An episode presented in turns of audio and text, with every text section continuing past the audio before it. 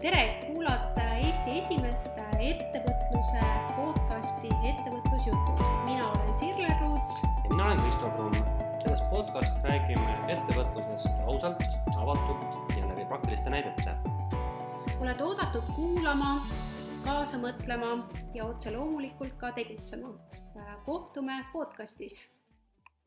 tere, Ettevõtlusjutud taas kord eetris, mina Sirle tere ka Kristo poolt taaskord rõõm äh, jagada teile siin ettevõtlusmõtteid äh, ja soovitusi, oma kogemusi ja otse loomulikult ka teadmisi, mis meil Kristoga on siin kahe peale, ma arvan, kuhjaga ja patt on neid endale hoida jätkuvalt. vahepeal siis, kuidas on meil läinud? Kristo, alusta sina. mina ootan jõulusid jaa, tegelikult ka, et äh, november on juba niisugune kuu, kus ma äh, vaikselt äh, panen äh, nii neid küünlaid, mis põletatakse elusast peast, kui ka elektriküünlaid panen juba põlema. ma tegelikult ootan juba talve ja noh, kuigi veel töö käib terve novembrikuu, nagu me siit enne nii-öelda eetriväliselt rääkisime, siis ma ka ikkagi detsembris tahaksin kohe kindlasti ja plaaningi seekord see aasta äh, rahulikumalt võtta, noh, tegelikult ilmselt iga koolitaja, kes ei tee jõuluvana ei mängi, siis on, on detsembris rahulikum, nii et see on jah, minu praegune plaan, et praegu teen oma projektid lõpuni ja, ja siis puhkame ja noh, siis vaatame jälle edasi, mis uus aasta toob.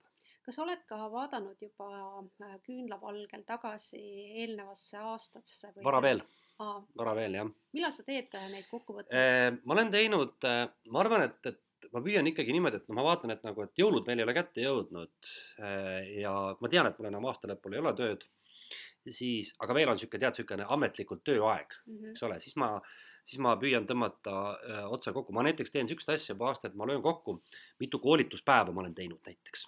see numbrid on tegelikult kolossaalsed, tegelikult on hämmastavalt suured e,. siis, äh, no siis ma vaatan, et näiteks, et mis ma, mida ma veel, no ütleme, näiteks mida ma võib-olla enam ei tahaks teha.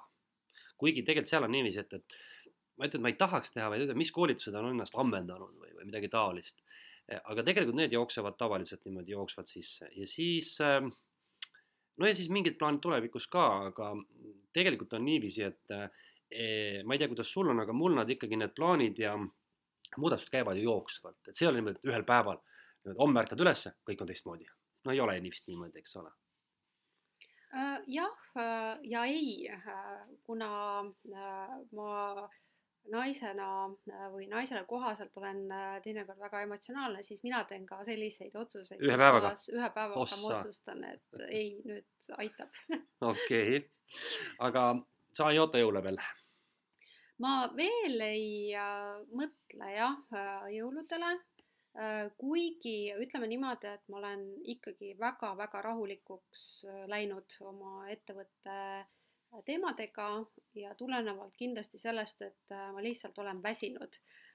ehk siis tõesti siin, kes on meid pikaajaliselt kuulanud, et siis teavad, et Kristo siin vahepeal kogu aeg küsis, et millal sa siis puhkad ja otse loomulikult, kui ettevõtjana sa ise seda tepslist seinast ära ei tõmba siis ühel hetkel äh, lihtsalt elu sunnib äh, kas tervis äh, või motivatsioonipuudus või väliskeskkond sunnib sind aega maha võtta ja noh, minul on ikkagi ka see, et, et ma olen ikka väga-väga väsinud. aga see muidugi ei takista seda, et ma avaldan oma järgmise raamatu kohe-kohe. hetkel mässan küljendusega.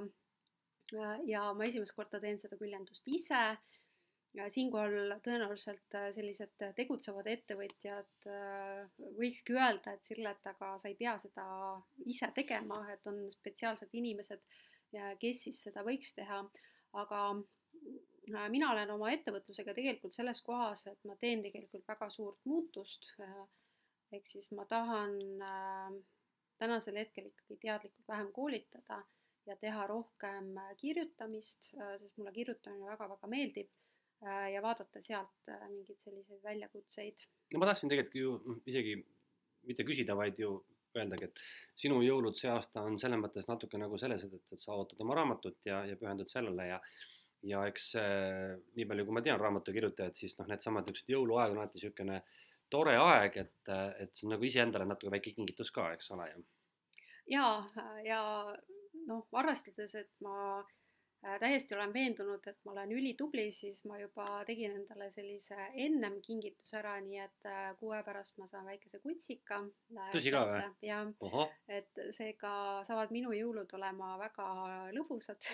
okei okay seega, seega ma ootan väga jõule mm. -hmm, seda küll, no siis sa ikkagi ootad küll jõule mm, -hmm. on ju, mhm. ja. ja, ja aga lähme siis tänase teema juurde. et äh, me mõtlesime Kristoga, et millest siis äh, rääkida, mm, mis on olulised äh, ja jõudsime selleni, et me ei ole väga põhjalikult rääkinud testimisest, äriidee testimisest, turu testimisest. ja miks on see oluline, eelkõige just seetõttu, et seda minu hinnangul väga palju alatähtsustatakse, ehk siis seda ei peeta oluliseks Äh, ja, ja seetõttu seda ei tehta. Äh, ja mõnes mõttes tahetakse tulla äh, kohe turule täislahendusega, olla täielikult valmis ja, ja seega siis me täna siin arutamegi sellel teemal, et millal, miks testida ja kuidas testida, miks testida. ehk siis ma usun, et saab olema taaskord selline huvitav tund mm. -hmm, just, just. aga alustades äh, siis sellest, et mis asi see testimine üldse on, mis, äh, mis, kui sinu käest küsitakse, et äh, mida sa ütled? eks ta sõltub natuke nüüd sellest ärimudelist ka, et kas sa oled nüüd nagu ma ei tea, teenusepakkuja või tootepakkuja, aga noh, kõige üldisemalt võiks öelda niimoodi, et, et võiks testimist nimetada siis, et enne kui sa päriselt lähed nii-öelda suurele lavale, kasutame sellist mõistet, sa oled nii-öelda lava taga teinud ära peaproovi oma tootele või teenusele. mis siis tähendaks seda, et, et püüad nagu seda toodet või teenust siis pakkuda täpselt sellisel moel, nagu sa oled plaaninud seda teha, aga natukese nagu teadlikult sellisel moel, et sa äh, kirjutad sinna sisse vajaduse või võimaluse midagi muuta. ja see mõte on siis selles, et äh, mitte kulutada palju raha ja mitte teha siis ähm, noh, võib-olla niimoodi nagu niimoodi kaugeluulatavaid otsuseid, kus tagasitulek võib olla ajaliselt ja rahaliselt kallis, et sa oled nagu, sa tead, et, et kui sa nüüd näiteks pead tegema mingi investeeringu või sa lähed äh, toetust küsima, et siis sa oled nagu enam-vähem kindel, et sa tead, mis sind ees ootab. muuseas, ma siia kohe ütlen ära, eh, ma kunagi ühel startup äh, inkubaatoris, kus ma ise osalesin, siis meie koolitaja ütles seda, et ja ta ei olnud seda ise välja mõelnud, ta ütles niimoodi, et et kui te lähete, tulete turule, siis seadke endale eesmärgiks fail ida ja fail ige täiega ja fail ige kohe alguses ära. ja vot sealt mul see tekkis, see on, sellest on möödas mingi viis-kuus aastat juba, kui ma seal projektis olin ja, ja siis ma olen kogu aeg teadlikult seda nüüd nagu ise, ise järginud ja oma koolitustel ja oma nii-öelda nõustamistel samamoodi, et, et, võtke eesmärgiks kohe läbi kukkuda, et teha need läbikukkumised alguses kohe päris korra siinkohal tuleb jällegi hästi huvitav seos sellega, et äh, minu raamat Hirm ettevõtluse ees äh, just käsitleb seda ebaõnnestumise hirmu ja see on äh, nii uuringute kui ka siis minu enda poolt läbi viidud küsitluse tulemusel kõige suurem hirm üldse, ehk siis inimestel on hirm ebaõnnestuda ja see, see noh, sinu näide mõnes mõttes äh, pöörab selle hoopis tagurpidi, et tegelikult on okei okay ebaõnnestuda. tegelikult peakski jah, nüüd ma ütlen kohe ühe asja ära, et äh, mul võib-olla hiljem ei tule see meelde. Ega see, et me nüüd alguses seda katsetame ja ebaõnnestumine ei tähenda seda, et see ärimudel jääbki muutumatuks ja see kogu aeg on nii. et tegelikult vaadates näiteks startup'i ettevõtjaid, siis nad võivad ka viis aastat pusida ja lõpuks tuleb, et ikkagi ei tööta aga me toome pärast, ma toon pärast enda puhul näiteid, et, et milliseid lihtsatele küsimustele see testimine aitab nagu siis, kuidas öelda siis, nagu kohe tähelepanu juhtida. aga ma küsin sinu käest vastu nüüd, kas sina oled testinud oma ideed kunagi, oma mingit mudelit või toodet või teenust, teadlikult testinud? Äh, ma olen küll, ma olen testinud raamatu teemasid ja ma olen, äh, ma olen testinud läbi blogi, kui noh, seda tegelikult võiks ka testimiseks äh, rääk- äh,, kirjeldada või nimetada. ja ma toon sinna, siia hästi hea näite, kuidas siis mõnes mõttes üks raamatu idee või e-raamatu idee sündis tänu blogile. ehk siis see oli ennem koroonat või koroona alguses kuskil, koolitused olid jälle stopi peal või olid jah, stopi peal ja siis mm, oli niimoodi, et mõtlesin, et ma hakkan siis kirjutama ja, ja panin sinna mingid teemad äh, siis, et millest võiks siis järgmise e-raamatu kirjutada ja, ja siis ma mõtlesin, et ah, et, et ma vaatan blogis siis neid teemasid äh, statistikast, et mis on kõige edukamad. Äh, ja, ja ma valisin seal selle top vaadatavusega teema kirjutasin selle kohta e-raamatu ja see on läbi aegade olnud kõige populaarsem e-raamat mm,. ehk siis äh, ma sisuliselt äh,, ma isegi mõõtsin seda tulu, ehk siis äh, ühe kuu lõikes äh, minu äh, see äh, e-poe käive e-raamatute müügil tõusis minu arust kas kuussada protsenti või mm, -hmm. mis ei ole teiste e-raamatutega noh, niimoodi juhtunud, on ju ehk siis äh, mõnes mõttes äh, see võis ka olla ju testimine, ma kirjutasin blogipostituse, muidugi jah, et, et võib-olla see eesmärk kohe ei olnud see, et ma nüüd testin, et kas see idee võiks olla raamatuvääriline, noh, tänasel hetkel ma teadlikult testin tegelikult blogipostitustega, et mis on populaarne, mis ei ole ja siis need teemad, äh, mis on populaarsed, nendega ma töötan edasi. ja sealt on tulnud teemasid, mida mina arvan, et on üliägedad ja siis ma vaatan, et tegelikult inimesed seda ei loe või siis äh, tulevad lehele, lähevad kohe ära. Äh, ehk siis äh, ma näen, et tegelikult selle järgi ei ole väga suur nõudlus, mõnes mõttes meie podcast on ka, võiks öelda, testimine. katsetus jah. me just mm -hmm. ennem vaatasime, mis on populaarsed teemad, et siit võikski ju minna samm edasi, et kui tahta infotooteid teha, siis vaadata, et milline võiks olla, on ju, see toode. mina olen testinud näiteks oma koolitust nimega Inimene kui bränd ja ma olen teinud seda kahte moodi. kõigepealt see, et äh, kui ma alustasin kunagi seda, siis ma tegingi niimoodi, et äh, mul oli niisugune mõte, et äh, luua selline nagu ma ei tea, ma võiks nimetada nagu siis sisenemistoote või. selline nagu koolitus või motivatsiooniloeng, mida sa võid iga hetke välja käia niisugusel külalisesinemistel, kus oodatakse niisugune tunni-paarist, vaata millega sa saad enda nime ja oma siis nagu brändi tuntumaks teha. ja siis ma tegingi niimoodi, et mul oli let-, laua peal äh,, mul on olnud umbes kolm sellist, kolm-neli sellist niisugust nagu äh, populaarteaduslikku, sellist nagu huvitavat ja spetsiaalset natukese nagu show mõttes või isegi ütleme nagu mitte niivõrd teadmiste mõttes sellist lühiseminari või motivatsiooniloengut üks neist ongi inimene bränd ja üks, mis mulle veel meelde tuleb, on see nutikas turundaja, niisugune asi on olemas. ja ilmselt on veel midagi, mis noh, tegelikult on olnud aegade jooksul küll. ja siis ma mäletan, et mul oli, oligi niisugune variant, et, et oli nagu, ma olen, ma olen teinud niimoodi, et, et on kutsutud nagu esinema tudengitele, kus iganes, ja ma olen nende võtnud nagu sahtlist selle toote ja, ja erinevad need tooted ja nad proovinud. et kuidas see nagu, kuidas inimesed vastu võtavad selle, et saada aru, kas sellel asjal oleks jumet. ja inimene kui bränd oligi niimoodi, et sündis läbi katsetuste. ma lihtsalt mõtlesin, et see oleks mingi huvitav teema, prooviks, kas see läheb peale, sest kaotada polnud midagi, sest see oligi niisugune tund või kaks, vist kaks tundi selline populaarne loeng ülikoolis esimest korda tulevastele õppuritele, seal oli täiskasvanud inimesi kui noori. ja siis, äh, ja siis ma olen äh, niimoodi testinud ka varem teisi koolitusi ka veel muuseas, et mõtled koolituse välja, teed tasuta näiteks, kutsudki inimesed kokku, ütled, ma annan teile kohvi, teie eesmärk on anda mulle tagasisidet, kuidas see teema teid kõnetas. nii et ma olen niimoodi näiteks koolitusi testinud küll, jah. Mina niimoodi ei ole testinud, aga ma olen äh, teinud küll niimoodi, et ma ennem kui ma teen väga põhjaliku koolituse, ma teen äh, lühikese. no see on ka tegelikult, tegelikult on see ka test, tegelikult on see ka test, mina nimetan seda testiks mm. -hmm. ja ja siis, ja siis ma vaatan, et kas teema nagu kõnetab või mitte äh, ja, ja siis noh, vaatan, kas ma lähen edasi või, või ei lähe. üks asi veel, mis on testimise puhul oluline, on see, et, et isegi kui sa tead, see teema tegelikult kõnetab, siis on küsimus, mis meetodil, millised teemaplokid kui pikalt ja vot ma kõiki neid asju olen testinud teadlikult.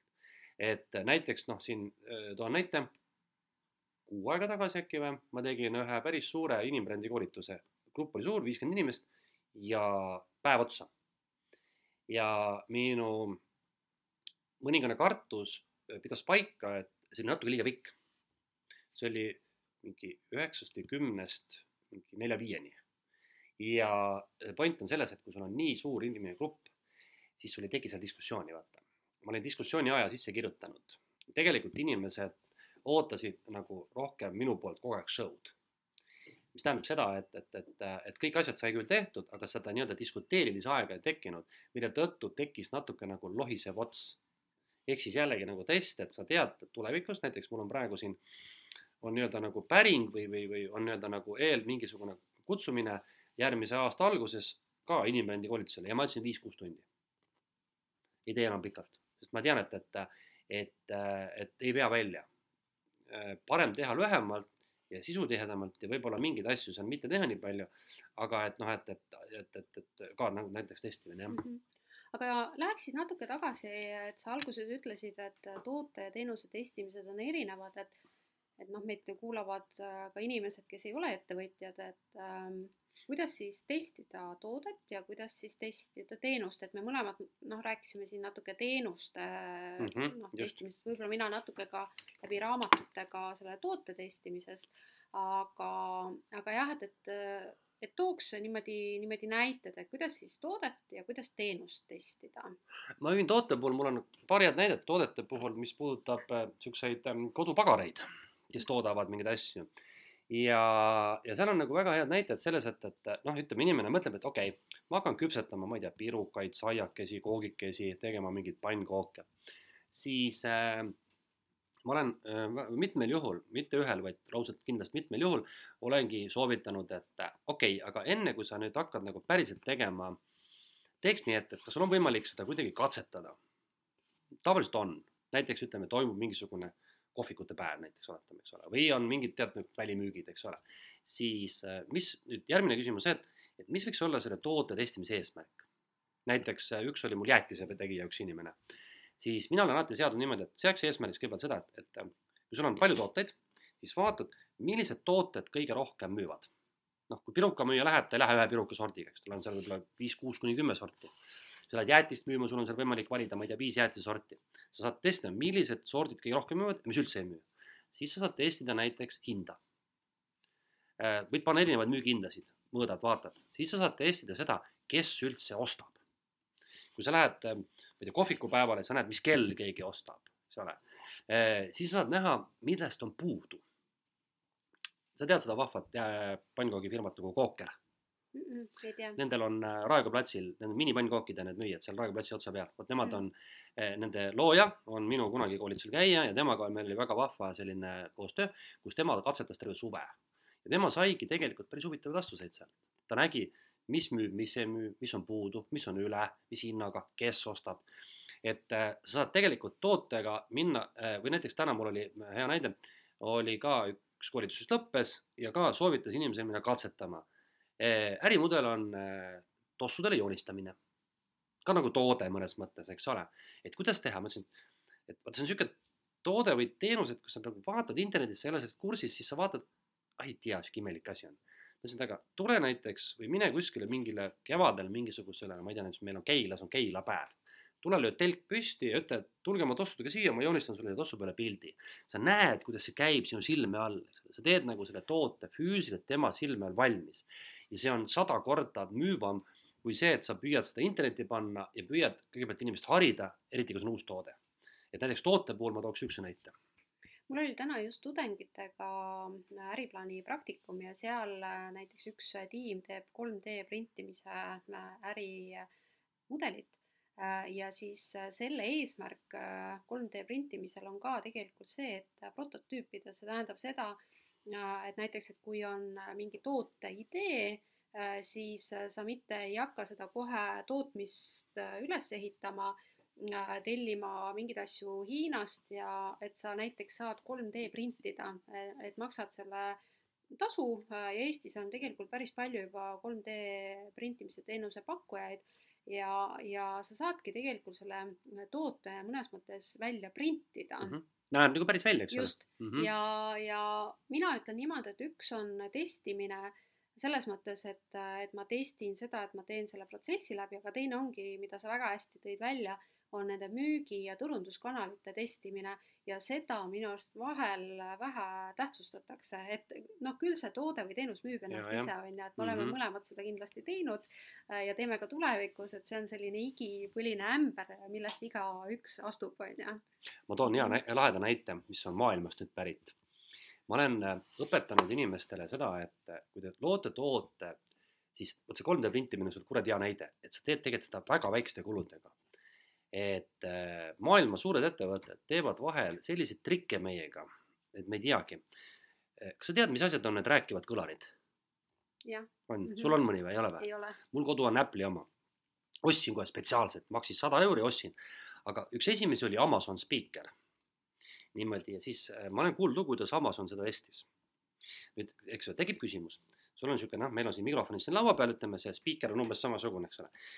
Kuidas sa nagu testid seda asja, ilma et selle asja peaks valmis ehitama? kas oskad öelda, kuidas sa testiks seda? ilma, et sa teed selle valmis füüsiliselt. no peab äh, mingi ühenduse kliendi ja selle, selle seadme vahel tekitama. Jaa, no sa pead midagi tegema, eks ole. Amazon tegi mida? Läks poodi, ostis pappi natukene ja mõned tulukesed ja tegi papist mulaaži, mis nägi välja nagu see kõlar, aga ta ei lasknud seal inimesel näppida. nüüd näiteks sina oled nüüd testitav, tere Sirle, vaata, meil on siin sulle pakkuda selline toode, me tahaks näha, me testime, kuidas inimene selle mikrofoniga või selle kõlariga suhestub. ja ma jätan su siia ruumi, et oleks mugav ja sina võid temaga rääkida, sa võid küsida ta käest, mis kell on, mis ilm on, mis täna televiisorist tuleb. noh, ja siis seda kõike filmiti. nii, inimene küsib näiteks, et no mis kell on? ja siis kostab hääl, sihuke metallne, kell on praegu seitseteist kakskümmend. Seda häält ei teinud mitte see kõlar, vaid lina taga oli inimene, kes mängis seda ära, aga see inimene, kes oli seal testitav, ei teadnud seda. ehk tegelikult lollitati inimene ära ja ta vaatas, et no selge, tore asi, anti talle mingi kommipakk pihku selle eest, aga Amazon sai minimaalkuludega näha, noh, mida inimesed võiks küsida ja kuidas nad suhestuvad, eks ole. et, et see on nagu näide hästi tobedast testimisest või näiteks niisugune tore näide nagu zappos.com, oled sa niisugust firmat kuulnud? internetipoes müüvad kingi Mhm. ja nemad, see lugu on selline, et nad proovisid oma äriga turule tulla igal moel. ja ükski selline mm, nagu lähenemine ei töötanud, ei turunduslikult ega müügi mõttes. ja siis nad väidetavalt olid teinud nagu viimase katsetuse, et kuidas nagu, noh, mõte oli see, et, et müüks kingi internetis, no see oli juba sada aastat tagasi, kui polnud niisugust asja veel. et kuidas teha nagu kindlaks, kas inimesed ostaks seda või ei ostaks, ilma et ma peaks tegema internetipoe ja hakkama neid kingi tootma või ostma ja nemad tegid niimoodi, need loojad, läksid poodi, tegid telefoniga pilte erinevatest kingadest, tegid sellise Facebooki lehe ja panid sinna ülesse ja saatsid inimestele sõnumi, tahate siukest kingi osta, kirjutage meile, me tost-, me müüme teile need, me toome need. ja see osutus hästi popiks. jällegi nagu noh, vaata kui lihtsal moel tehakse. ma olen isegi öelnud, et kui logistikafirma tahab testida näiteks midagi, siis tal ei ole vaja osta autot, vaid ta ostab Lego klotsid, ehitab Lego linna ja sõidab autoga nüüd siit-sinna ja niimoodi mängitaksegi. muuseas jah jah, noh, minule seostub see loovusega, ehk siis äh, mõnes mõttes see testimine on natuke selline nagu lapse mäng. natuke jah, muidugi. et, et sa, et sa mängid natuke ja teinekord mõeldakse, see ettevõtlus on niisugune tõsine asi, et mis asja ma ei hakka ostma klotse ja ei hakka testima seda äri, teed niimoodi või, või ei tee mingi papist äh,. rääkivaid kõlareid. just, just ja, ja, ja siinkohal jällegi mul, mul meenub see, et kui me räägime ebaõnnestumisest, siis inimestel on hirm, noh, kui me räägime ebaõnnestumisest, siis selle sees on see, et see maine kahjustus tekib, on ju, ehk siis ma teen midagi tobedat, midagi valesti ja siis inimesed arvavad minust midagi halvasti, et ma justkui nagu ei saa hakkama. ehk siis ma natuke kahtlustan seda, et et seda testimist ei julgeta mõnes mõttes ka teha seetõttu, et noh, see on selgelt poolik asi, on ju, et siis on see ebaõnnestumine justkui veelgi suurem, on ju. ja teiseks on see, et, et siis, kui sa oled pooliku asja teinud, siis võibki klientide rahulolematus olla nagu kõrgem, on ju, aga noh, siinkohal on see kommunikatsioon hästi oluline. et ma arvan, et need näited, mis sa tõid, et need on päris vahvad sellised, et kus kohas on näha, et maailmakuulsad ettevõtted on tegelikult alustanud mm -hmm. läbi selle, et nad on testinud.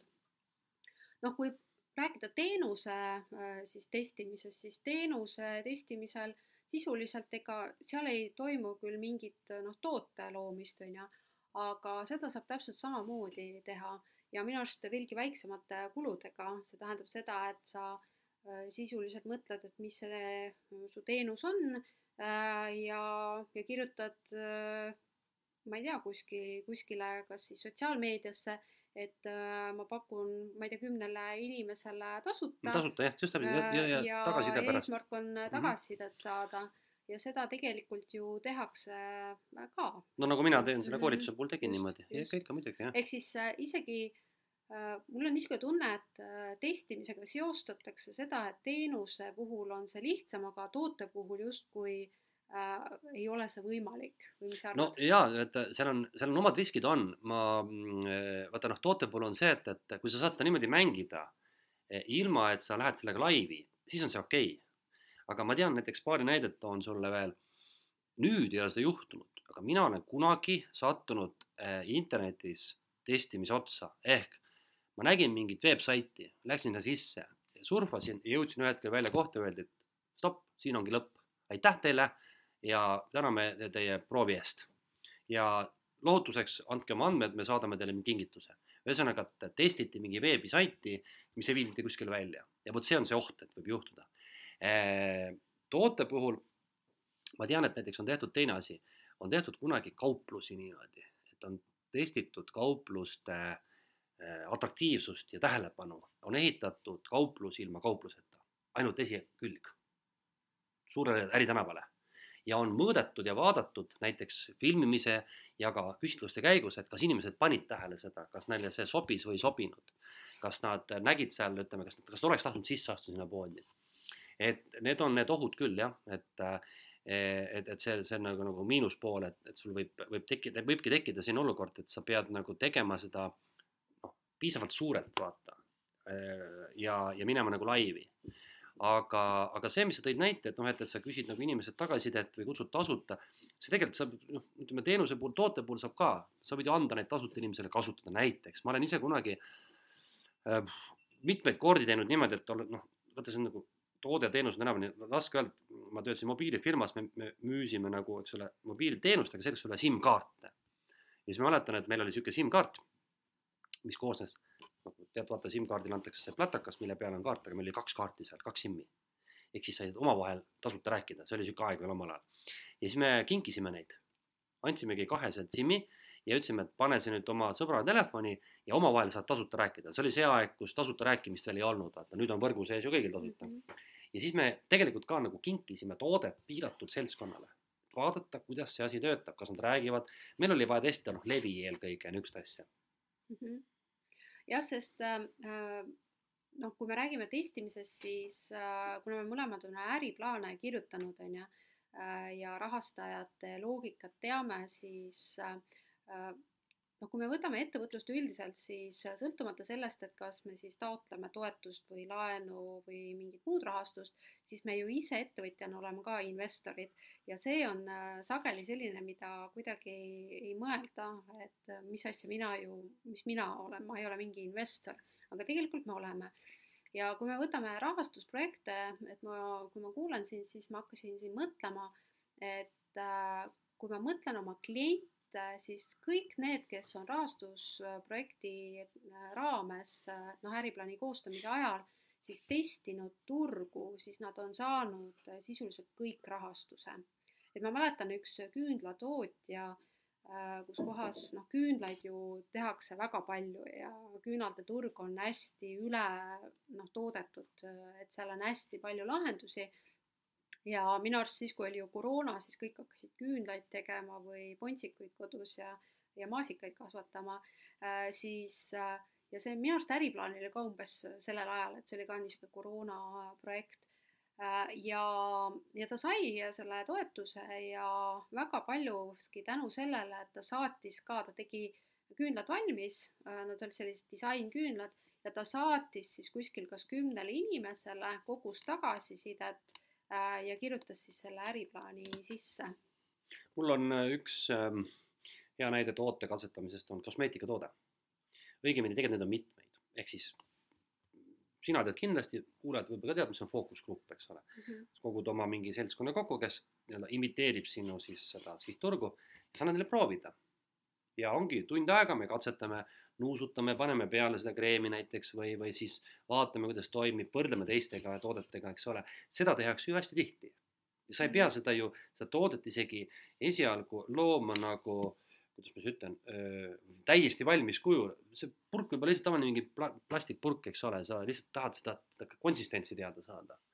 või näiteks, et äh, kui ma töötasin kunagi reklaamialal, siis me testisime toodete välimust ja disaini ja karpe. Ja siis oli niiviisi, et me tegime nii, et ma mäletan hästi, et niisugune firma nagu Maieri praegu isegi tuntud, müüb mm -hmm. kodu, kodukeemiat ja see oli siis see aeg, kui eh, nad tahtsidki tulla turule, siis noh, tol ajal ikkagi revolutsiooniliselt täitsa teistsuguse moodsa pakendiga. Maier oli üks esimene, kes kodumaistest keemiatootjatest tuli siukse ägeda pakendiga. vanasti meenus kõigile see vana kole bioäst, eks ole. ja siis oli niimoodi, et noh, neil oli seal terve hunnik tooteid, pesupulbrid, pesukeelid, no ma ei enam ei mäleta, mis kõik asjad. ja siis me tegime niimoodi, et me panime, tegime siis nagu karbid valmis, saad aru, oligi näiteks pesupulber ja panime sinna, ma ei tea, viis erinevat või ma ei tea, mitu erinevat karpi tegime, papist valmis panime laua peale ja kutsusimegi nii, et tegi, tegime niisuguse hindamiskomisjoni, nii oma töötajate, kelle loomulikult klient, kliendi esindajad tulid ja hindasid neid karpe. ja me ei hakanud isegi enne loomulikult mingit muud kulutust, ainuke kulutus oli see printerist välja lasta, see pappkarp. ja me korduvalt niimoodi testisime, milline on see disain, mis tundus neile ja ka ütleme siis klientidele kõige nagu meeldivam, kõige sobilikum. ka see on tegelikult toote testimine mõnes mõttes, eks ole mm. -hmm. ja, äh, sest testimine on selline, kus kohas sa testid tegelikult äh, võib-olla ühest detailist kuni tervikprotsessina mm, -hmm. protsessini välja, on ju, et see ei saa niimoodi öelda, et et kui ma teen nagu ühe konkreetse asja, et siis see on testimine, kui ma midagi muud äh, teen, et see ei ole. sisuliselt on minu arust isegi ettevõtjana tuleb harjuda sellega, et ettevõtjana sa kogu aeg pead testima. no mõnes mõttes küll jah. Toidutootjad näiteks, mul on siin olnud mingeid sushi valmistajaid ja siukseid pitsameistreid. Meil oli, mäletan, see pitsafirma muuseas täna väga hästi töötab, teen reklaami, Monster pitsa, jube hea pitsa, mine külasta. Maailma parim Diavola pitsa on seal. Eh, see noormees, kes selle firma lõi, oli minu koolituselt ja tema tegi testi, tuli oma pitsadega meie kaitsmisele valmistas vist, ma ei mäleta, mitu erinevat pitsasorti ja me sõime ja ütlesime, milline nendest meile maitseb, mis on puudu, mis mitte. täiesti tuligi nende samade pitsadega.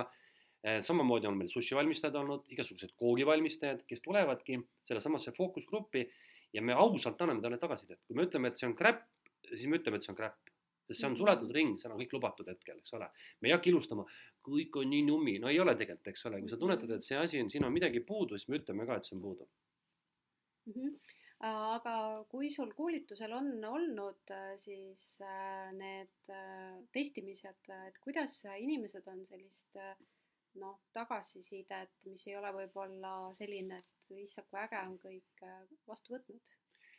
Ma ei mäleta küll ühtegi korda, kui väga probleeme oleks olnud, ühel tüdrukul oli küll üks lahe lugu. no seda ei saa testimist nimetada, see on lihtsalt see tagasiside, et ta tuli kaitsmisele oma ideega ja üldiselt grupp äh, oli kriitiline. seal oli palju nõrku kohti. ja pool aastat hiljem ta tegi oma äri ära ja siis ma mäletan, kuidas ta saatis meile meili, et noh, te norisite mu kallal küll, aga näed, ma tegin selle asi ikkagi ära. aga ma enam ei mäleta, kas ta siis tegi seal ka parendusi, et, et aga üldiselt on niimoodi olnud, et ähm, noh, ei ole olnud sellist otsest solvamist ja, ja pigem on need soovitused olnud väga sõbralikud ja väga soo-, siuksed noh, et kuule, vaata, mõtle, et noh, siin võiks teha nii ja pigem see on olnud selline, et, kas sa selle peale oled veel mõelnud mm. -hmm. ma ei mäleta ühtegi, eriti enam ühtegi sellist, kus inimesed tutvuma hakanud, et te olete küll lollid, te ei tea mitte midagi, niisugust asja pole küll olnud jah mm. -hmm. on olnud küll võib-olla sellist vaidlust, et et näiteks ütleme, et, et me pakume, et kuule, tee niimoodi, tema ütleb, et aga vaata, see ei tööta sellepärast, et näiteks, eks ole, et noh, selliseid diskussioone on olnud mm. -hmm. jah, sest äh, juhul, kui siis äh, ikkagi ettevõtjaks hakata, et siis äh, peaks see nahk ikkagi olema paksem, et äh, sest äh, noh, kliendid äh, äh, ju näevad seda toodet ja teenust noh, teise nurga alt, on ju, äh, ja mina olen aja jooksul, kui ma hakkan praegu mõtlema, siis äh, hakanud oskama eristada seda, et milline siis tagasiside on selline, et mis on oluline ja mis ei ole. ja mida ma olen märganud äh, Äh, siis äh, teinekord on äh, need inimesed, kes on võib-olla hästi sellised perfektsionistid. ja tundlikud. ja tundlikud, siis nemad noh, esiteks nad võtavad ise halvasti või raskelt tagasisidet vastu ja noh, mina näiteks olen ka selline, et mul on ikkagi teinekord noh, väga valus. raske on ju ja mhm. valus on ju aga teistpidi jällegi ma olen aja jooksul kindlasti muutunud paremaks, sellepärast et ma koheselt tegelikult eristan ära, et et okei okay,, et see tagasiside on see, mis on tõsiseltvõetav ja mingi muu asi on see, et kui noh, ma ei tea, sajast kliendist ühel on see probleem, et siis noh, ma ei hakka ju oma kogu seda protsessi pea peale keerama, et kui ühel inimesel on väga spetsiifiline probleem, et siis tegelikult ta ei ole võib-olla minu klient lihtsalt.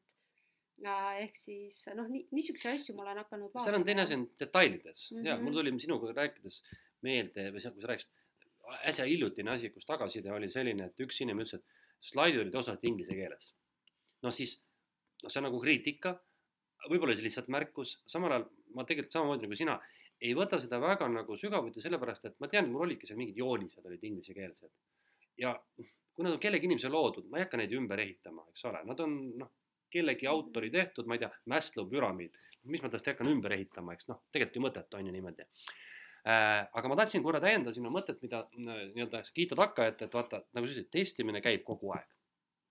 nüüd mul äh, Äh, mul on, äh, ma ei ole avaldanud seda saladust ja ma veelgi ikka ei avalda, mis äri ma tahan kevadel tegema hakata, sina tead, aga raadiokuulaja ei tea ja ma ei ütle ka enne, ma ei hakka kraaksuma enne, kui see muna on käes. siis mina olen näiteks teadlikult nüüd oma uue äri puhul läinudki seda teed, et ma tegelikult kogu aeg olen valmis muutuma. ehk et ma nii palju avaldan, et ma tulen turule toiduainetööstusega, toiduainete tootmisega, kus on hästi oluline nii-öelda maitsed, retseptid, valmistusviis, eks ole ja ma lähengi seda teed, et ma tean, et esimesed kuud, võib-olla terve esimene tegevusaasta, ma, minu kvaliteet võib olla kõikuv, sest ma annan aru, et ma eh, ei ole veel sisse töötanud oma nii-öelda retseptimudelit äh,. samal ajal ma testin ka seda, et kuidas protsessi paremaks saada, nii et mul on nagu kaks asja, mul on toode ise, mida ma müün, kuidas see välja kukub. teine on hästi oluline see, et, et mis on testimise puhul hästi kihvt kui näiteks ütleme, sina teed praegu oma raamatu küljendust, sa teed seda kaua, sa ei oska teha, aga oletame nüüd, kui sa teeksid seda juba viiekümne viiendat korda, ma arvan, sa teeksid kümme korda kiiremini. vot äris on sama lugu, eks ole. kui sa mõtled näiteks, et kui kaua võtab aega ühe toote valmistamine mhm. ettevõtjal ja esimest korda, siis tegelikult see testimine on ka see, et sa saad aru, mida sa pead muutma, et seda protsessi kiirendada ja vot see on minu üks niisugune alatine soov endale ja teistele et lisaks toote valmimisele, tootele endale, pead sa mõtlema, kuidas seda teenuse protsessi muuta efektiivsemaks. ja mina olengi seadnud omale siis kaks eesmärki oma tulevases nii-öelda selles hobiäris, mis ma tahan teha, et, et ongi see, et ma olen valmis kogu aeg muutma oma tooteid, näha, noh, testimaks, nagu sina ütlesid, et mis müüb, mis ei müü, eks ole. ja teiseks, et seda protsessi efektiivsemaks saada läbi selle, kuidas siis nagu see, see raha, rahaliselt ajaliselt oleks. ja ma olen endale sisse kirjutanud, et mul ei ole sellist asja, et ma pean raudpolt sellest kinni hoidma. millest ma kinni hoian, on see raamistik, milles ma tegutsen, et kui ma müün mingeid äh, söödavaid asju, siis ma ei müü teisi söödavaid asju. sellest mhm. ma hoian kinni praegu. aga ma olen nagu hästi avatud, et ma tean, et, et kui turg tahab midagi lisaks või teistmoodi ja mul on see võimalik, ma kindlasti seda teen.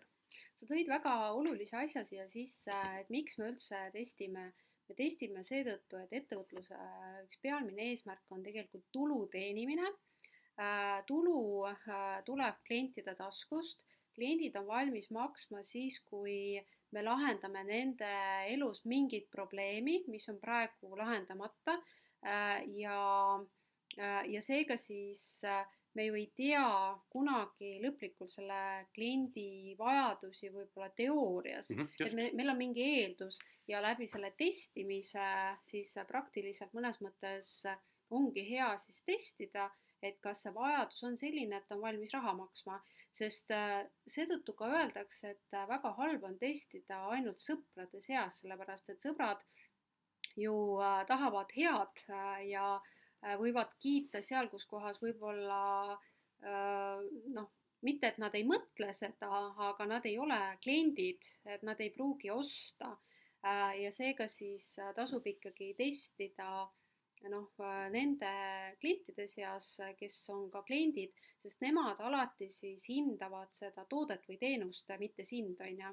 ja nad on ausad, nad mm, -hmm. kui nad ei osta, nad ei osta, ongi ja, kõik, äh, mul tuli meelde muuseas selle katsetusega veel näide. tuntud raamat The Lean Startup ehk nutikas idufirma vist on eesti keeles. Jack Rees vist on ta autor eh, on rääkinud oma loos see on üks ettevõtja, eks ole, kes siis, kes raamatut lugenud pole, on, teeb ühte startup'i ja nad räägib, et ta tegi kõik eelneva töö ära, no kõik oli perfecto. Nad lõid mingisuguse arvutimängu, mingi avataridega mängu ja oli sihtrühm olid mingid seal, ma saan aru, et mingi viisteist, kuusteist siuksed noored, kõik nagu oli okei okay., nad olid kõik eelsõrend, siis nad hakkasid vaatama, mäng läks laivi, et inimesed logivad sisse, aga ei ole väga kaua seal. milles jama on? Ja lõpuks neil ei jäänud mitte midagi muud üle, kui nad võtsid nendel klientidel tutist kinni, tõid oma kontorisse, et hakake nüüd mängima, näidake, mis te teete. ja siis nad vaatasid, ahaa, me poleks elus selle peale tulnud, et te niimoodi seda teete. ehk siis see on näide, et, et ka see on testimine. mine sinna, kus on klient või kutsu klienti enda juurde, lase ta seda, seda asja enda silme all teha näiteks vajadusel, vaata, kuidas ta näeb või, või vaata, kuidas tema ostab ja see on kõige parem test seesama õige näide, et see teoorias me oleme jube kõvad tihtipeale, eks ole, ja meie turu-uuring võib olla perfektne, aga me uurisime vales inimesi näiteks. me peame seda ikkagi tegema praktikas ja vahel on see väga valus. seesama pirukamüüja tuleb võib-olla tagasi, viskabki pirukad minema, sest ei müünud mm. -hmm. ja äh, mul on siin äh, jällegi selline noh, hea näide, et, et kus kohas Äh, näiteks, et kui tahta, ma ei tea, maapiirkonnas elad ja tahad seal, ma ei tea, puru niita või, või õunavahla teha või noh, mis iganes, et siis äh,, siis seda saab ka täiesti niimoodi noh, testida, et esiteks muidugi teed endale, on ju, et noh, et, et aga teiseks on see, et kui teha nagu täiesti mingit uut asja äh,, siis kogukonna äride puhul on see, et see tee nagu ühele inimesele, kes jagab oma koge-, kogemust seal kogukonnas ja sul on kogu kogukond tegelikult mm -hmm. olemas, äh, sest kogukonna ärid, nende selline turundusloogika on teistsugune. on ikka jah, seal on niisugune omade hoidev ja niisugune mm -hmm. omade käest ostev ja, ja muidugi mm -hmm. loomulikult ikka, ikka jah. ja et seda, seda ka kindlasti tasuks äh, vaadata, et teinekord võib-olla ei olegi vaja minna väga kaugele, vaid äh, alustadagi sealt äh, oma piirkonnast, on ju. selle testimisel on, mina, mina mõtlen, ma olen selles mõttes nagu, ma ei saa nimetada, ma testimise fänn olen, aga ma igal võimalusel teadlikult, kui ma teen midagi uut, ma võtan selle kui katsetusena. ja ma nüüd natuke laiendan seda nagu filosoofilisemat juttu, et me ju tegelikult elus kunagi ei tea, mis meile meeldib, vaata, on ju, sa oled ka ilmselt elus hästi palju asju proovinud, ma tean, sa oled metsikult õppinud kõiki asju, aga miskipärast sa ju ei tee kõiki asju, mida sa oled õppinud, eks ole ju. sest noh, see võib-olla ei müü, on ju, võib-olla ei ole see nii huvitav sinu jaoks. Eh, see ei ole nii kasulik, eks ole, ja vot äris on sama lugu, et eh, tuleb nagu võtta selline avatud nagu, nagu positsioon eriti ütleme, kui me teeme asju sellises valdkonnas ja väikselt, kus me lähemegi nagu päris nagu tundmatule maale. Ja meil ei ole ka väga palju raha, et maksta kinni see turundus, millega me nii-öelda selle kliendi enda juurde saame, vaid me peame lootma jääma teatud mõttes nagu klientide sellisele noh, märkamisele. Ja, ja ütleme, ongi niimoodi, et see tegelikult see testimine tähendab ka ju seda, et sa katsetad, kas see sulle sobib, see äri. kas sa, kas sa vaimustud sellest, kas see on üldse kasulik, Eh, alati saab seda teha muidugi ka Excelis ja numbritega, aga see jällegi, see numbrid tulevad ju õhust, eks ole. sa tegelikult ju ei tea, palju reaalselt ostetakse, mida ostetakse. ja kui ma mõtlen näiteks praegu, me oleme sellest ka varem rääkinud, et mina mõtlen ennast kui koolitajat tagasi seal algusaastatesse, siis ma alguses arvasin hoopis teisi koolitusi tegevat. müüki ja turundust ja klienditeenindust.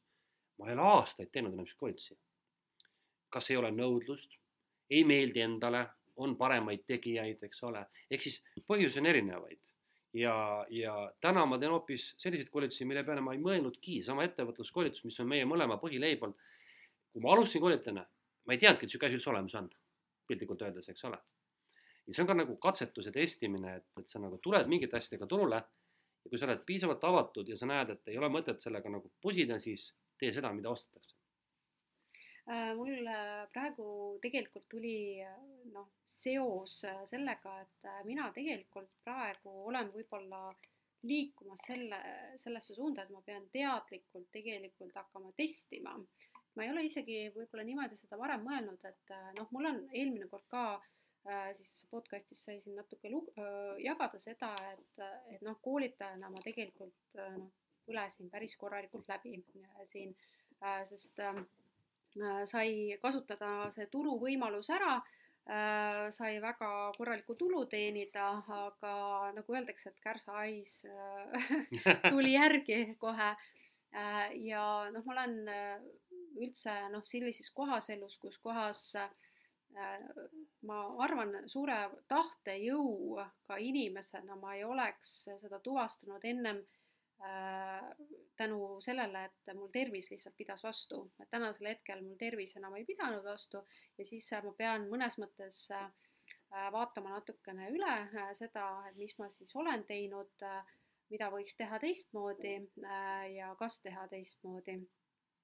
ja, ja seega ma teen niisuguseid natuke introvertsemaid tegevusi, mida, mis mulle meeldib teha, noh, loovad tegevused, kirjutamine, natuke selline kujunduspool ja milleni ma tahtsin nüüd jõuda, on see, et, äh, et tegelikult äh, noh, tänasel hetkel ma õpin Adobe programmi ja ma tegelikult teen esimesi selliseid võib-olla portfoolio asju iseendale, et tegelikult ma hakkasin mõtlema, et see on ka testimine, et äh, ma võtan oma, noh, ma teen esimese raamatu küljenduse ära, on ju, siis ma juba näen tegelikult, et mida ma peaks seal võib-olla parandama, on ju, enda oskustes. Äh, siis, äh, siis ma mõtlesin, et ma teen oma raamatule siis äh, InDesign programmis sellise nagu noh, ma ei tea, elektroonilise flaieri või sellise noh, bukleti on ju, mida ma saan tegelikult oma portfooliosse juba panna ja siis, ja siis tegelikult peakski äh, selle tulemusel, kui ma nüüd jõuan selleni, et seda programmi õppides, mis on ülikeeruline äh,, et ma võiksin sellega tegelikult edasi tegeleda et siis ma peaksingi testima läbi selle, et ma võtan siis mingeid reaalseid tellimusi, mitte enda asju, sest enda asju äh, noh, praegu ma teen sisuliselt äh, üliaeglaselt, on ju, et võttagi selline klient, äh, ma ei tea, et näiteks ma ei tea, lähen sotsiaalmeedia turunduse gruppi Facebookis ja ütlen, et et mul on nüüd olemas sellised koolitused, ma olen läbinud, ma olen natuke testinud enda asjade peal kodulehele panema juba need esimesed asjad ülesse. Eh, ja võtan näiteks kümme klienti või ma ei tea, viis klienti, eh, kellele ma teen need ja need asjad. Eh, ja kes on nõus, et selle hind nii-öelda on see, et ma võin neid siis oma seal portfoolios tegelikult siis avaldada, on ju, et see on ka testimine, on. ju. ma, mul tuli siit nüüd üks eelnev, ma püüan ennetada nagu siis meie kuulajate mõningaid küsimusi ja kommentaare, et, et ja võib-olla üks kommentaar, mis mul endale võiks tekkida, kui ma kuulaks iseenda juttu, on see, et sõbrad, millest te nüüd räägite, et noh, kõik ettevõtlus on kogu aeg muutuv ja, ja see ei olegi mingi testimine, kui ma täna müün ühte, homme teist, et ma nüüd natuke vaidlen vastu, et ma olen näinud vastupidiselt palju ettevõtjaid, kes ütleme nii, ma hakkan veel kaugemalt pihta, kui inimesel on mingi mõte midagi teha, siis selle mõttega on niimoodi, see mõte võib töötada või mitte töötada. kui asi töötab, siis loomulikult on kõik väga hästi, siis rohkem, siis on nagu anna tuld. aga mis saab siis, kui sinu mõte, idee, seesama sinu praegune näide nendest äh, sellistest kujundustöödest ei tööta? nüüd on sul kaks suunda, nüüd kujutame ette, visualiseerime, et läheb üks tee, mis läheb kaheks. esimene tee on, et viskad selle võssa. teine tee on, sa püüad igal juhul seda edasi ajada. ja sealt hargnevad jälle järgmised teed kuhu ma tahan jälle mõttega jõuda, on see, et, et äh, on inimesi, kes äh, isegi siis, kui see asi ei tööta, üritavad seda jõuga suruda, sest et kas A, nad ise usuvad sellest tohutult, et see töötab, või nad arvavad, et nad ei ole piisavalt veel turule nagu nähtavaks teinud. et, et nad näevad turul potentsiaali, aga nad saavad aru, et, et äh, midagi on veel valesti tehtud.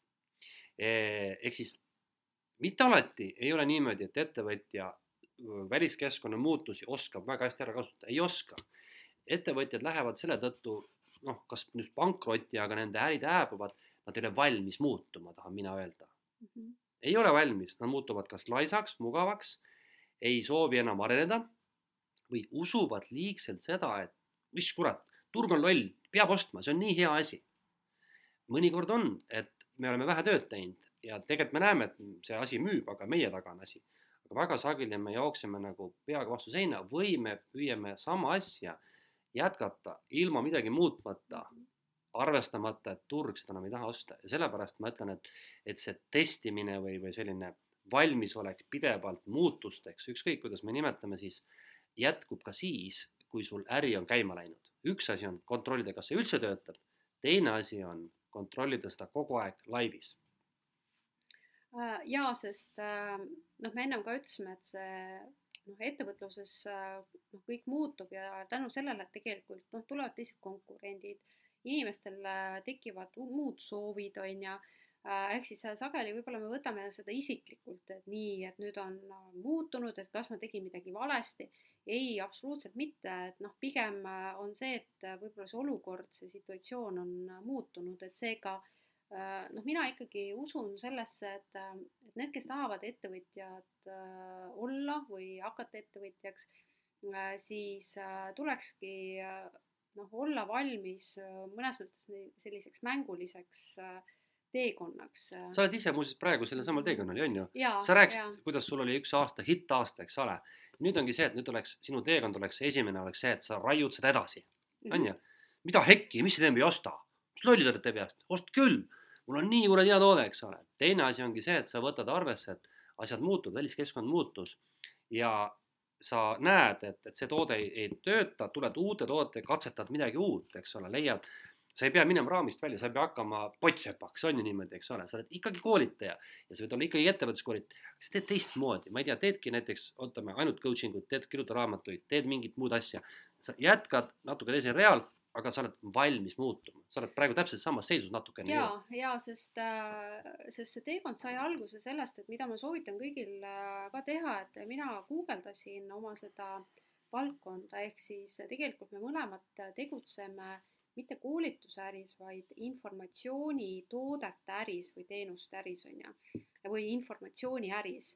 Ja, ja kui ma siis äh, guugeldasin, et näiteks mina panin niimoodi, et et kuidas skaleerida koolitusäri või midagi niimoodi, on ju. ja siis äh, ma sain seal kolm valikut, et kui muidu mõtlesin, et oh, et, et mul on nagu, ma ei tea, sadu valikuid, siis seal oli hästi välja toodud, et on kolm valikut. üks on selline, et sa müüd nagu massile, mõnes mõttes äh, need on need riigihanke projektid, on ju, odav hind, äh, aga saad sisuliselt terve aasta-kaks teha tööd, on ju, rahulikult. see on nagu palgatöö mõnes mõttes siis teine on see, et sa müüd kallima hinnaga, ehk siis äh, sa äh, pead seda kas oma toodet või teenust muutma ja minema teise segmenti. noh, koolitusäris on siis äriklient sisuliselt, et sa pead siis tegelikult disainima täiesti uue koolituse, on ju. ja kolmas on siis erinevad siis tooted, ehk siis sa muudad selle informatsiooni toodeteks ja mina siis, kui ma umbes paar aastat tagasi seda kontseptsiooni nagu lugesin, siis ma mõtlesin, et issand jumal, ma olen nagu seda aastaid mõelnud, et mida ma pean tegema. Ja minule äh, tõi see mingi raamistiku, et ma sain siis teha mõnes mõttes kolme valiku vahel, et äh, kuhu poole ma suundun. Ja tänasel hetkel äh, ongi see, et, et ma pigem siis olen seal toodete äris see ei tähenda seda, et ma ei tee e-koolitusi, kui mul te tekib mingi mõte, siis ma teen selle, on ju. aga, aga jah, et, et, et tänu sellele ärimudeli lahti mõtestamisele äh, ma sain aru tegelikult seda, et ma noh, need kaks esimest äh, tõenäoliselt äh, noh, tänasel hetkel mulle ei sobi mm. -hmm, välistasid need? jah mm, -hmm. ja siis ongi ja seal siis äh, tekib nagu mingi suund, on ju äh,. ja siis hakkad seal noh testima, noh proovid mm, on -hmm. ju, vaatad. Äh, ja, ja noh, ma soovitan kõigil äh, tegelikult, et see on ka võib-olla testimise eelduseks on ka see, et sa ennem nagu üldse saad aru, kus äris sa oled, et millised sul need äh, noh, variandid on. sellepärast, et teinekord, kui siis alustada ettevõtlusega või siis ka tegutseva ettevõtjana minna mingisse muude valdkonda või võtta teine ärisuund, siis võib tekkida tegelikult see, et et me ei näe nagu seda tervikpilti, on ju, et me siblime koha peal, me teeme ühte, teist, kolmandat äh,, aga puudub selline raamistik, noh, sa oled ka päris mitu korda täna seda raamistikku siin toonud äh, sisse. Et siis, siis tekib see arusaam ja mõnes mõttes ongi, et kui sa teed ühte, siis äh, sa näed, et okei okay,, et ma siis äh, lähen sealt nagu sinna suunas või, või et noh, kuidas need teed hakkavad hargnema, on ju. sest vastasel juhul on see, et kui seda tervikpilti ei näe, äh, siis äh, võibki tekkida see, et sa, okei okay,, sa teed selle testimise ära, mõtled, et ma teen selle testimise ära ja noh, ei lähe kõige paremini. Ja siis võibki inimene seda ebaõnnestumise tunnet äh, kogeda ja kui on ka see, et pereringis lähedaste inimeste seas on sellised, kes äh, hakkavad siis ütlema, no ma ju sulle ütlesin, et sa ei saa millegagi hakkama ja mine sinna palgatööle, et siis äh, noh, see muutub veelgi hullemaks, on ju. Äh, ehk siis hea on siis, et okei okay,, et kui see niimoodi ei ole, ei tööta, et mida ma siis teen, on ju, et mõnes mõttes kogu aeg peab olema see plaan B olemas, on ju äh, sa alustasid oma mõtet ja minu, ma jätkan su mõtet selles mm -hmm. alguses, et, et, et ettevõtlus ju tegelikult ongi ju katsetamine mm, -hmm. eks ole ju tegelikult, et, et kui nüüd mõelda ükskõik missuguse ettevõtja peale, siis on muidugi olnud olukordi, kus turg on sulle selle nõudluse ette andnud, no siin ma mäletan, et koroona ajal ma isegi vestlesin mõningate ettevõtja, kes ütlesid, et tead, me tegime ennem umbes, ma ei tea, ma ei tea, müüsime sukkpüksi ja nüüd hakkasime järsku seda desovedelikku tootma, panema lihtsalt purki, sest noh, kõik tahtsid osta seda juua, eks ole. või keegi hakkas maske õmblema, et noh, see on nagu näide, et noh, see tekib sul sihuke auk, täna ei taha seda desovedeliga mitte keegi, maskedest ei räägi enam mitte keegi, see on üks auk, kasutad ära ja, ja see ongi selge. aga kui sa nüüd võtad siukse nagu pikaajalise nagu vaate, et sa ei lähe sellistele hetkeliste turunõudlustele või sa püüad pakkuda midagi, mis oleks jätkusuutlik aastakümneid võib-olla või noh, ütleme okei okay,, aastaid, siis on ikkagi katsetus, sa ju ei tea, eks ole, nii et noh, ettevõtlus ongi ju katsetamine. sul mhm. tuleb mõte, sa arvad midagi, et võiks olla, siis sa ei tea veel, kuidas see kõik see mudel töötab, kuidas see turg selle vastu võtab, kas, kas sa konkurentsis oled parem, tegelikult noh, see testimine ei peagi olema mingi selline teadlik, et nüüd me testime sinuga siin, lepime selle kokku, et me hakkame testima, tegelikult me testime kogu aeg.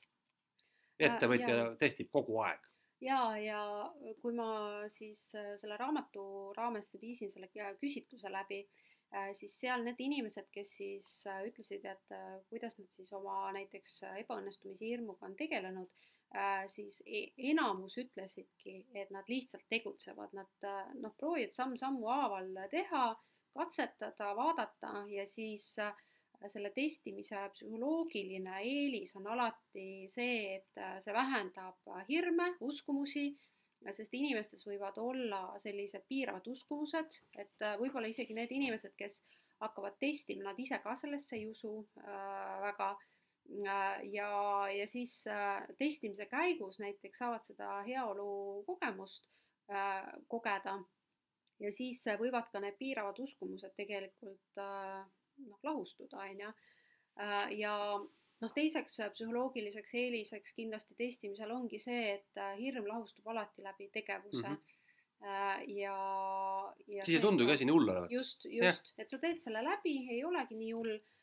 Ja noh, teine pool, niisugune võib-olla mitte psühholoogiline, aga materiaalne pool siis testimisel on see, et, et sellega on võimalik tegelikult esiteks raha kokku hoida aga samas ka rahani jõuda.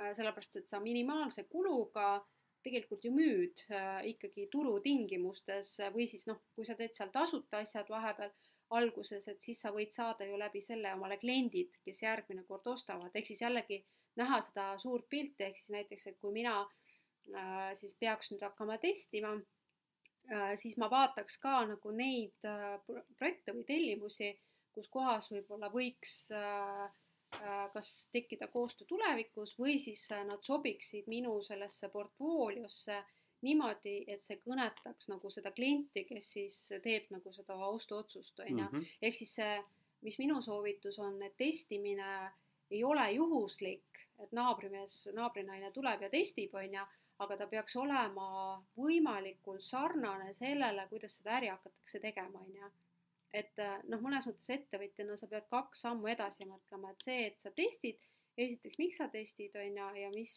äh, mis väärtust see sulle loob ja kuidas see aitab su turundustegevusi teha, on ju. mina olen muuseas ka ikkagi mõne testi puhul loobunud tootjast ja teenusest. koolituste puhul on mitmeid kordi, ma tean. Olen tahtnud tulla turule täiesti teistsuguse koolitusega ja katsetuse ja olengi läinud teadlikult, et vaatan, katsetan ja noh, ütleme, et on olnud nii ja naa, on olnud selliseid äh, nii-öelda katsetusi, kus ma olen ikkagi päriselt nagu nii-öelda suurel laval olnud, nii jutumärkides.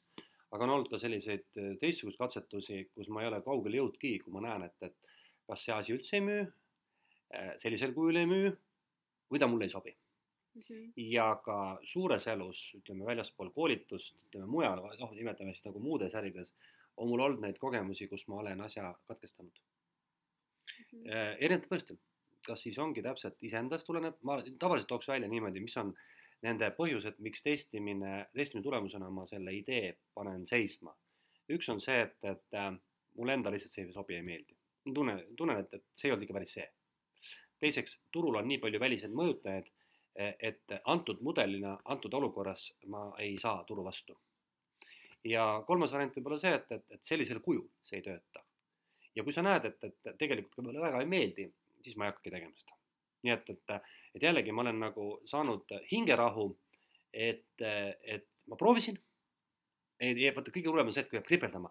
tegelikult oleks nüüd proovida, et noh, siis mõtled, eks ole, nad magasid õige aja maha ja proovisid, noh, ja on süda rahul, et ei tööta.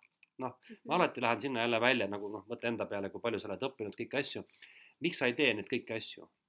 noh, ei toimi, eks ole, mingil põhjusel, aga hea on teada, et ma proovisin. eks ole, kogesin, noh ja süda rahul.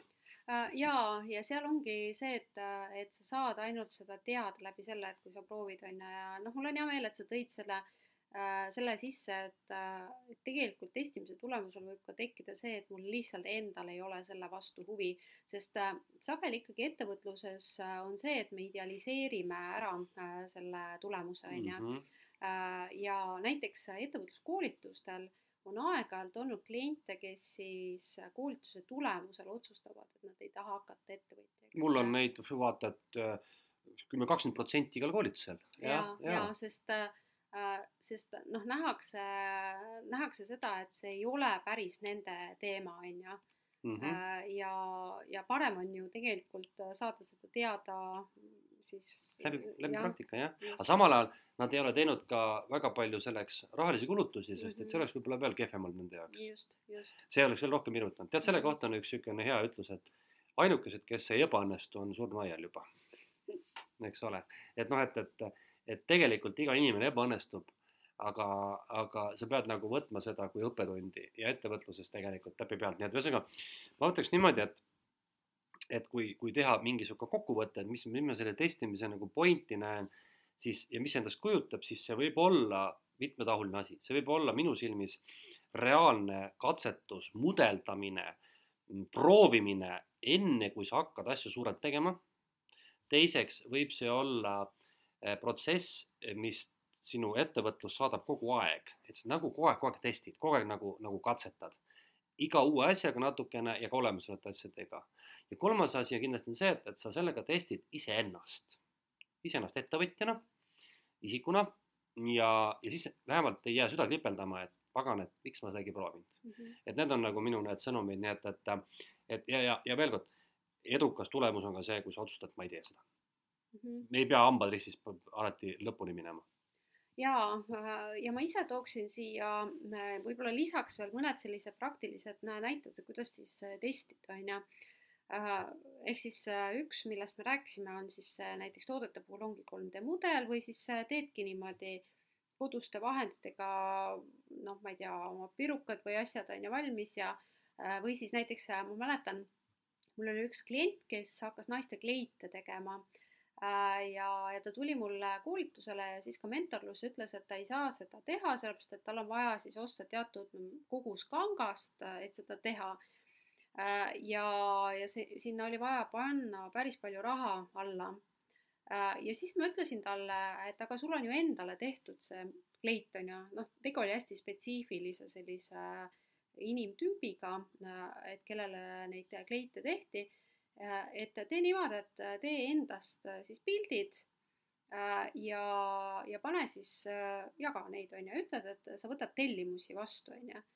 ja, ja kusjuures ta ütles niimoodi, et mm, mitmed kuud hiljem, et ta arvas, et ta jõuab oma esimese telle, tellimuse umbes poole aasta pärast, aga tal oli juba kas kolmandal kuul oli viisteist tellimust käes, on ju.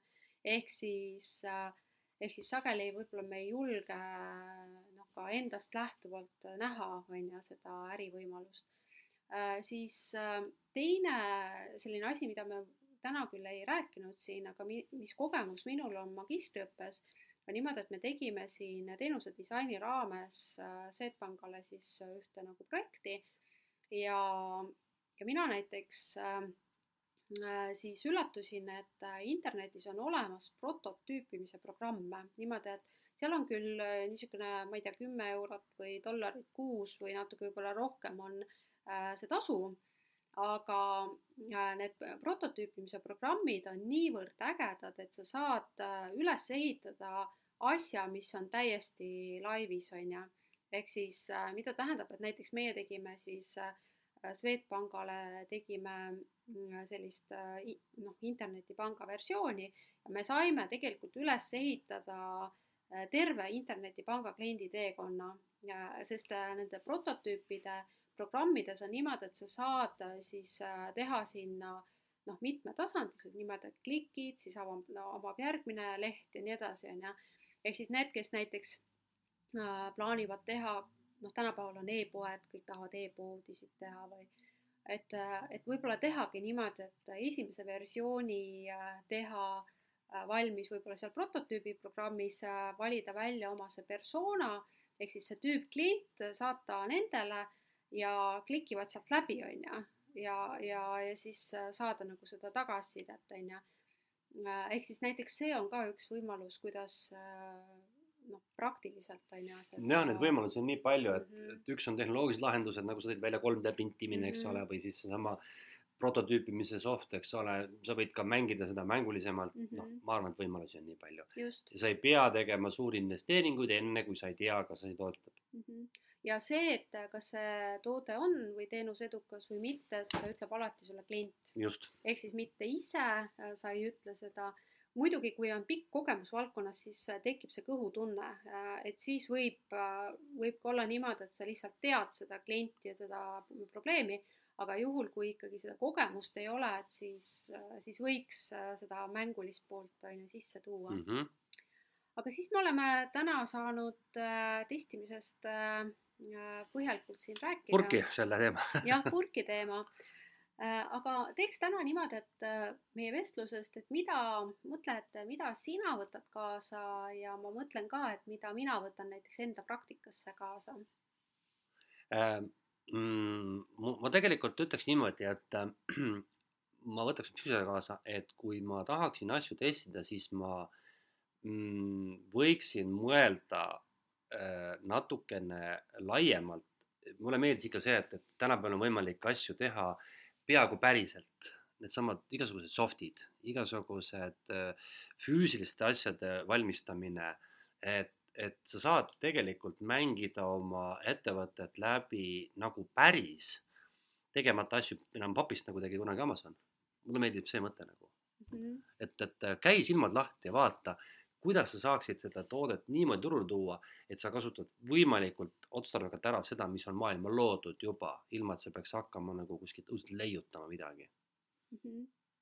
jah, ja mina võtan siit kaasa ikkagi selle mõtte, äh, milleni ma meie vestluse käigus jõudsin, et, et võib-olla ka natuke kiiremini äh, hakata testima, et kui mul on see tunnetus, tekib ära siin äh, selle oma noh, võimalike uute teenuste puhul, et see võiks olla see teema, mis mulle meeldib, noh, tänasel hetkel ma õpin programmi, et siis, et siis võimalikult kiiresti tegelikult minna sinna testimisse, et mitte see, et sest minu nõrkus on ju ka see, et, et mulle ju meeldib õppida, on ju, ma võingi siis õppida aastaid ja siis kinni jääda sinna. jah, just mm, -hmm. et ja siis avastada, et tegelikult äh, äh, mulle ei meeldigi see, on ju, ehk siis võimalikult kiiresti ikkagi minna selle, sinna praktikasse, mhm. on ju aga ma arvan küll jah, et, et see testimine tegelikult võiks olla midagi sellist, mis ettevõtjale on kogu aeg nagu kaasas mm. -hmm. alguses, protsessi käigus, noh, ühesõnaga kogu aeg